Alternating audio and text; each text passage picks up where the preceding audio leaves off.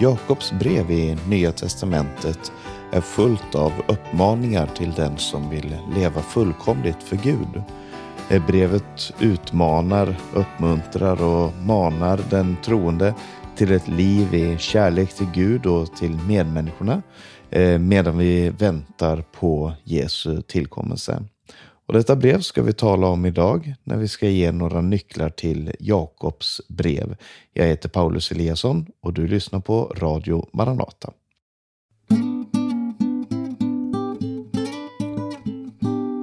I de flesta biblarna som eh, görs idag så är Jakobs brev det tjugonde brevet i Nya testamentet och ligger efter Hebreerbrevet.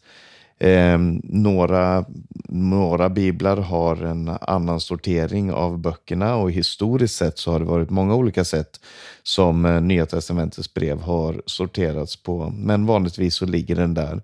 Eh, det är fem kapitel i Jakobs brev och det kallas för ett av de katolska breven eller de allmänna breven. Och vi ska komma tillbaka till varför. Eh, men det här är då som sagt ett brev, men det är väldigt generellt skrivet och det är just därför det kallas för katolskt eller allmänt. Det är inte skrivet till en enskild församling. Och Jakobs brev börjar med att säga att eh, Jakob sänder det här och så säger han till de tolv stammarna i förskingringen.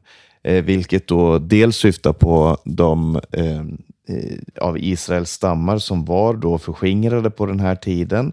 Eh, redan sedan assyrierna intog Nordriket på 700-talet före Kristus så hade Israel varit utspridda. Eh, men någonting liknande hade församlingen i Jerusalem upplevt när man på grund av förföljelse hade blivit utspridda runt om i eh, världen. Och därför så använder han det här som ett Eh, en slags begrepp för att tala om, om eh, deras egen erfarenhet av att vara eh, förskingrade. Men det syftar alltså på judekristna som blev spridda på grund av förföljelsen. Och därför så är det här antagligen församlingar och grupper som bodde runt om i eh, Israel och runt omkring Israel. Vem var då den här Jakob?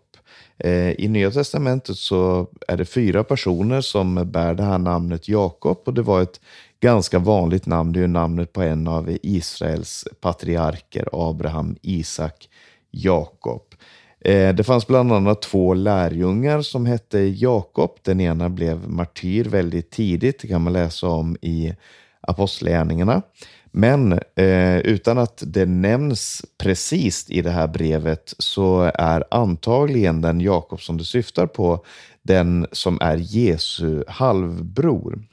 Vi vet att Maria och Josef fick flera barn eh, efter att Maria hade fött Jesus och eh, hon, eh, då var Jakob en av Jesu halvbröder som först inte trodde på Jesus men som efter uppståndelsen blev, eh, blev inte bara troende, men han blev också en av ledarna i den eh, krist, tidiga kristna församlingen i Jerusalem.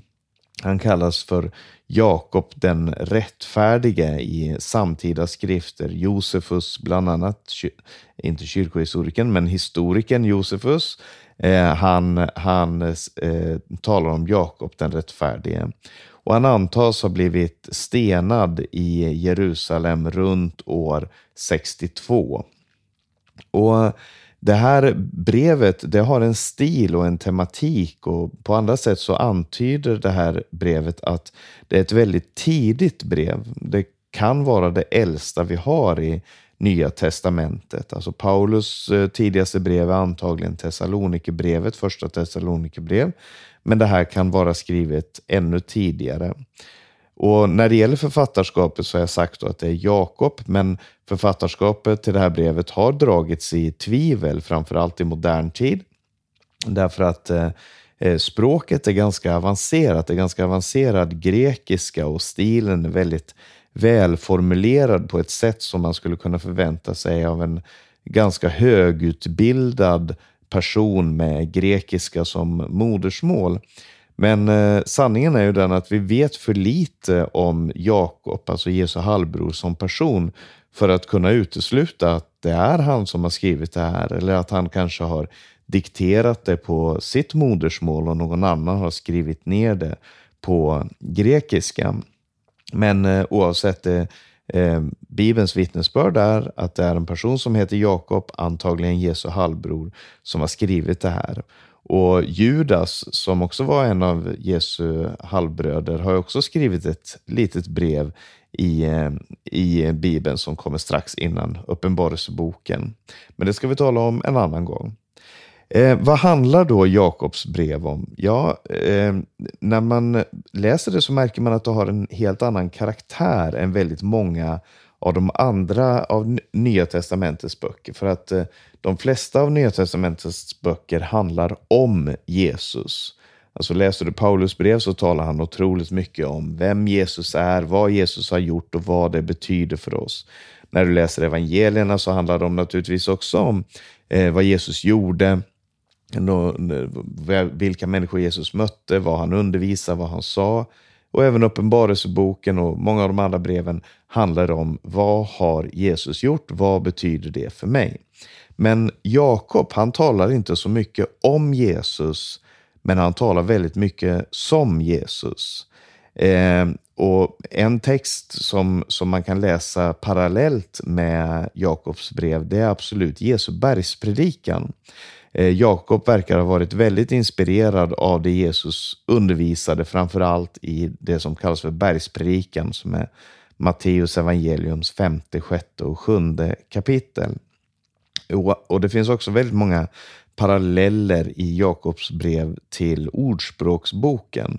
Han har ibland kallats, det här brevet har ibland kallats för Nya testamentets visdomslitteratur. Han talar om hur ett, ett kristet liv ser ut, hur man ska leva som kristen och brevet är fullt av imperativ, alltså uppmaningar. Han, han skriver det här brevet för att uppmana de här troende att leva ett liv för Gud. Och nu ska vi gå in och se lite på den här texten.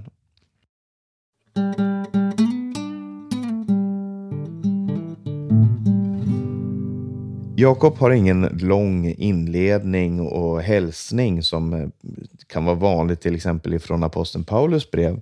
Men han går väldigt rakt på sak, pang på rödbetan och han redan i andra versen när, han har, när det står vem det är från och vem det är till i första versen så säger han i den andra versen Räkna det som ren glädje, mina bröder, när ni råkar ut för allas olika slags prövningar ni vet ju att när er tro prövas ger det uthållighet och låt uthålligheten leda till fulländad gärning så att ni är fullkomliga och hela utan brist på något sätt. Och här talar han om olika slags prövningar. Och Det som är tanken här är att livet det är väldigt svårt för de här människorna som man skriver till. Livet är svårt och inte minst för en förföljd minoritet i antikens Israel. Men Jakob han vill gärna ge ett nytt perspektiv på de här svårigheterna som man kallar för prövningar. Det ordet kan också översättas med frestelse eller test. Alltså frestelse det är när någon försöker, eh, försöker göra så att du gör fel. Alltså när någon försöker driva dig mot att göra fel. Men en prövning det kan vara ett test för att se om, för att ge människan ett val att göra det som är rätt. Eh, och Jakob, han ser på prövningen så som Jesus ser på den i bergspredikan, där Jesus säger att man ska vara glad under förföljelse, att man ska vara glad i prövningen.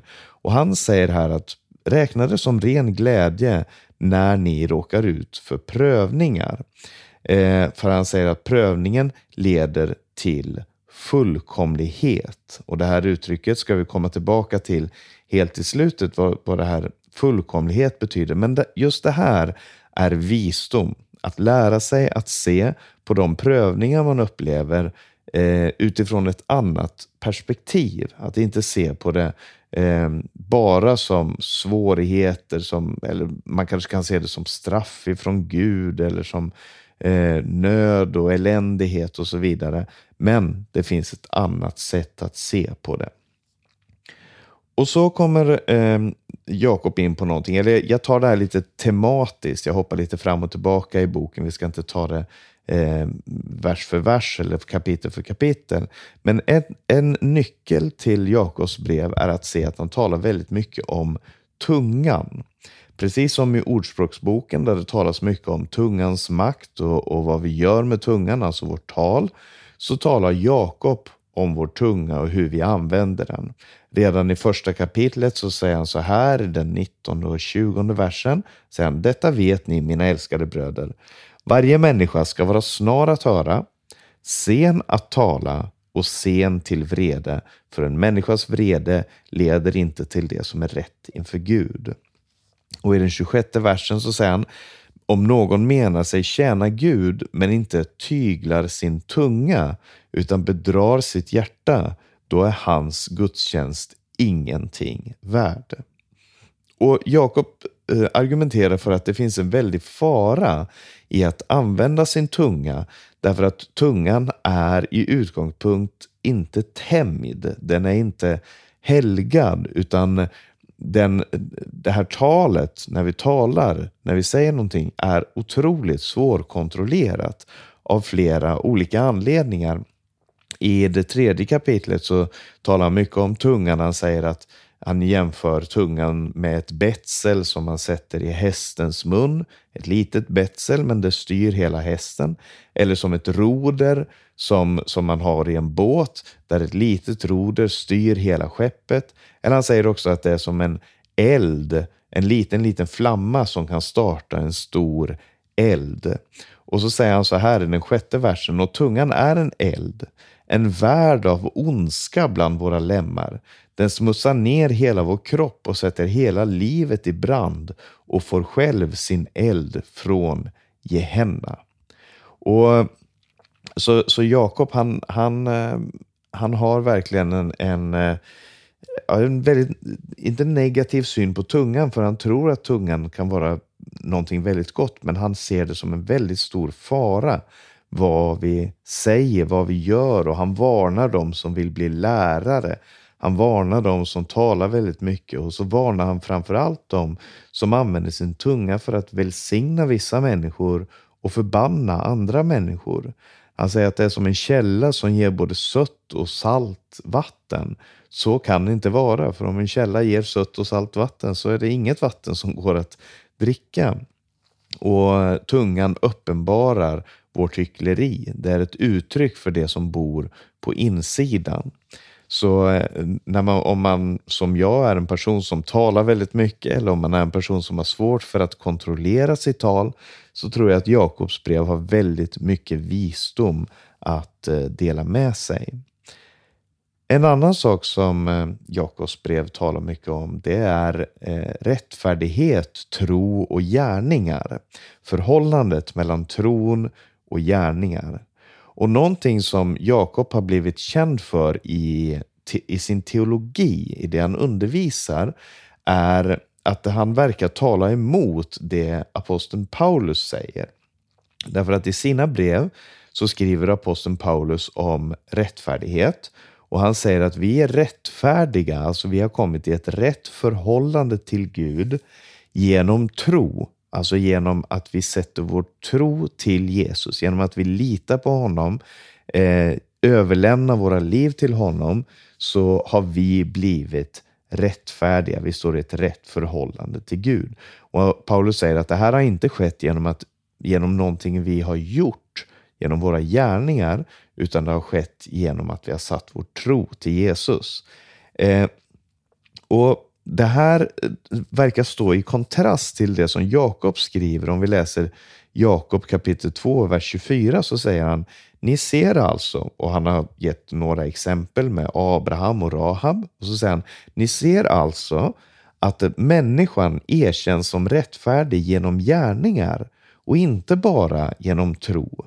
Och han varnar och han säger också att eh, ni säger att ja, men jag tror att Gud är en. Och så säger han, ja, men också de onda andarna tror och de bävar. Så det, det att tro på Guds existens, det eh, frälser inte en människa.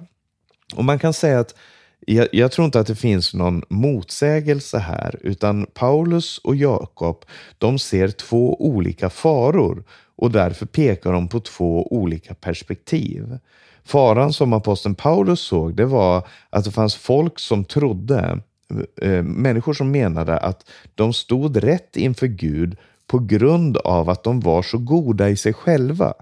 Alltså att de själva klarade att förtjäna sin frälsning genom att vara goda och snälla människor. De trodde att de inte behövde Jesus. Och till de människorna som ledde i den villfarelsen så säger aposteln eh, vi är rättfärdiggjorda, inte på grund av våra egna gärningar, inte på grund av laggärningar, på grund av att vi är goda, för vi är onda, men på grund av att vi har satt vår tro till Jesus som är god. Den fara som Jakob ser å andra sidan är ett missbruk av eh, det här, där människor som säger ja men jag tror på Gud, eh, tänker att då behöver de inte ha något liv som representerar det här. Man säger ja men jag tror på Gud och därför så kan jag göra vad jag vill i övrigt. Jag tror på Gud och det är det enda jag behöver. Sen, sen följer allt annat och sen så behöver man inte bekymra sig så mycket om hur man lever eller vad man gör eller, eller allt det här. För att vi tror ju på Gud och vi är frälsta utan gärningar. Så det här är helt enkelt, de vänder sig mot två olika diken som i båda fallen handlar om självrättfärdighet. I det ena fallet där man säger, ja men jag är rättfärdig och jag behöver inte bry mig om att göra någonting eh, rätt därför att jag, jag tror ändå på Gud det var det som Jakob tyckte var farligt. Och på den andra sidan är det folk som säger, ja, men jag, jag är rättfärdig därför att jag är så god och jag har gjort så mycket rätt. Jag behöver inte Jesus. Det var den faran som Paulus såg. Så rättfärdighet, att stå i ett rätt relation till Gud, sker inte genom gärningar utan genom att man förlitar sig på Jesus.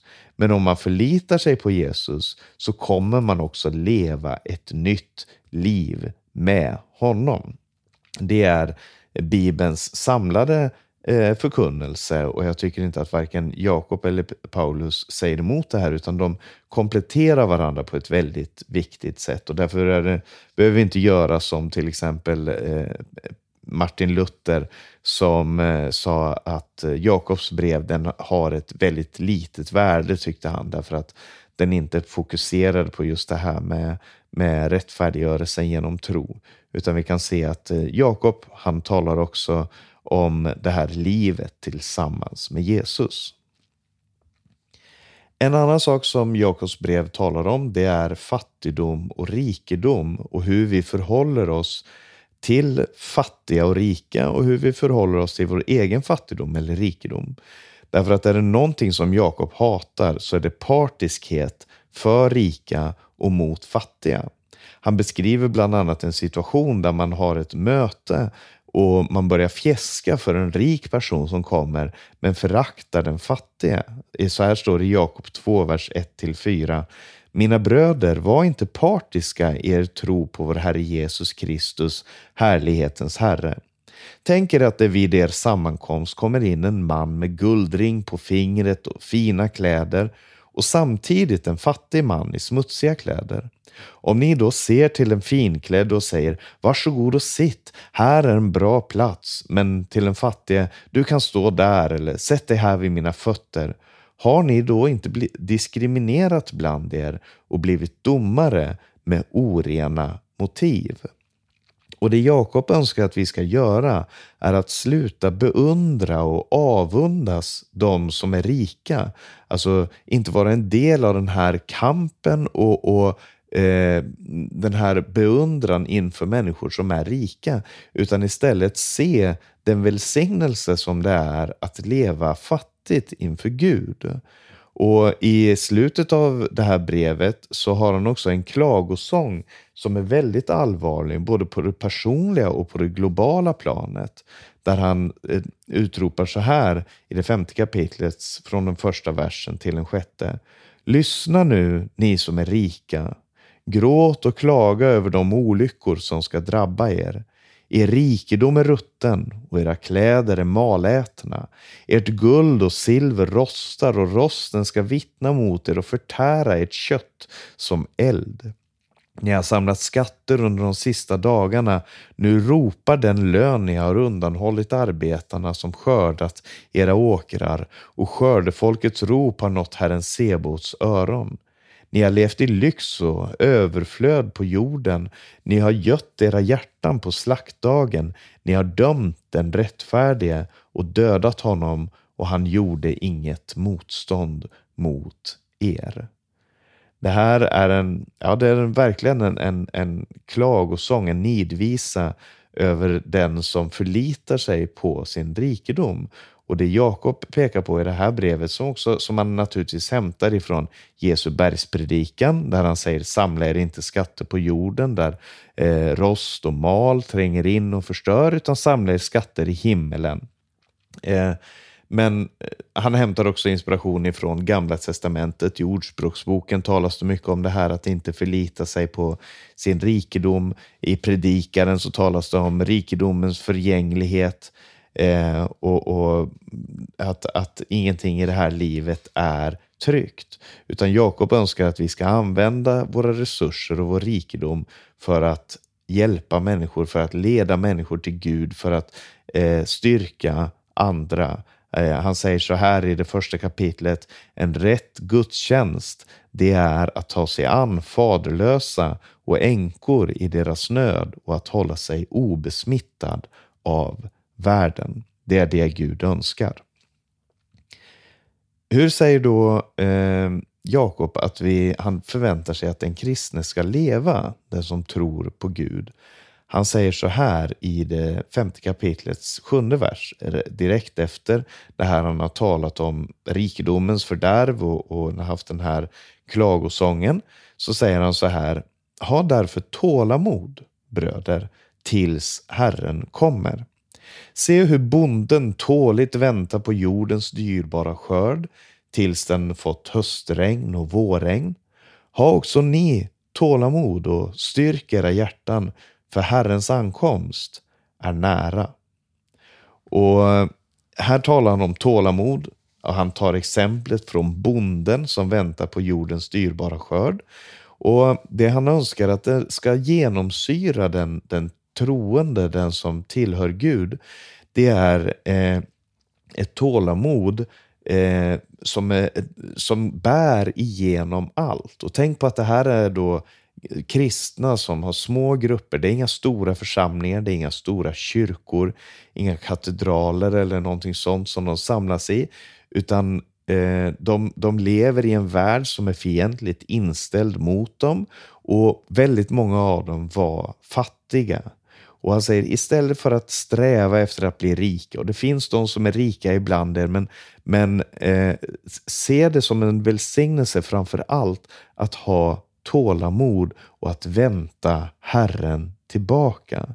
Han använde jobb som ett exempel på tålamod genom lidande, han som fick vänta på Herrens förlossning. Och sen så eh, i slutet av sitt brev så använder han också Elia som ett exempel på ett verksamt böneliv och han önskar att församlingen ska fungera i sitt böneliv. Så vad kan vi säga om Jakobs brev? Jo, Jakob har alla de här interjektionerna, alla de här uppmaningarna. Det är nästan varannan vers eh, har någon slags uppmaning. Eh, han bygger på det här att Jesus har försonat oss, att vi lever tillsammans med honom, att vi väntar honom. Jesus är förhärligad, säger han. Han har stigit upp till himmelen. Han regerar som Herre och vi är hans tjänare. Eller han börjar med att säga att han är Jesu Kristi slav. Eh, han, han, är Guds slav och, och det här är en hedersbeteckning för honom. Att han, han är tacksam för att han får vara en Guds slav. Och som Guds slav så önskar han att vårt liv ska vara präglat av Jesus själv, ska vara likt honom, ska vara i tjänst för honom.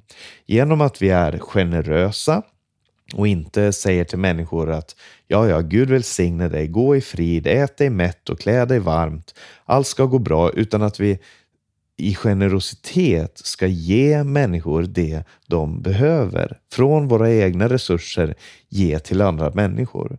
Han talar om kärlek, nämligen att ta sig an faderlösa och änkor i deras nöd. Han talar om att eh, eh, tjäna varandra, hjälpa varandra. Han talar om en verksam tro, att inte ha en tro som säger att ja, ja, jag tror på Gud, jag tror att Gud är en, jag har den rätta teologin och då får allting vara bra. Utan han, han manar till en verksam tro och omsorg för andra människor så att vi blir fullkomliga. Och det här ordet sa jag att vi skulle komma tillbaka till och nu har vi kommit tillbaka till det. Eh, det ordet fullkomliga heter på grekiska eh, teleos, te, teleos Förlåt, min grekiska är helt förfärlig. Men det, det ordet det betyder hel eller odelat, det har att göra med ett mål, att man kommer till, fram till ett mål. Att man är genuin, att man är det som Gud önskar att man ska vara. Och det är precis det som Jakobs brev handlar om, att leda församlingen till att bli det man är tänkt att vara. Guds ord är givet för att vi ska bli det Gud har tänkt om oss. Och det var det jag ville säga om Jakobs brev idag. Jag hoppas att du har fått någon hjälp av det. Vi ska alldeles strax lyssna på sången eh, Tala Gud som Kristina Imsen sjunger. Men först ska vi ha lite avannonseringar.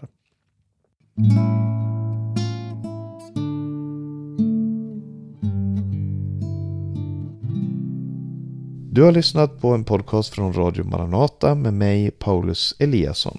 Det här programmet har också sänds över Stockholms närradio och Örebro närradio. Och var gärna med och sprid de här programmen till andra om du finner dem eh, nyttiga.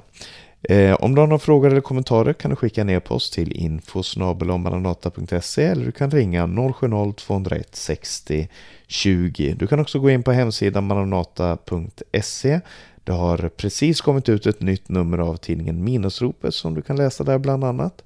Och sprid Guds välsignelse till alla och på återhörande.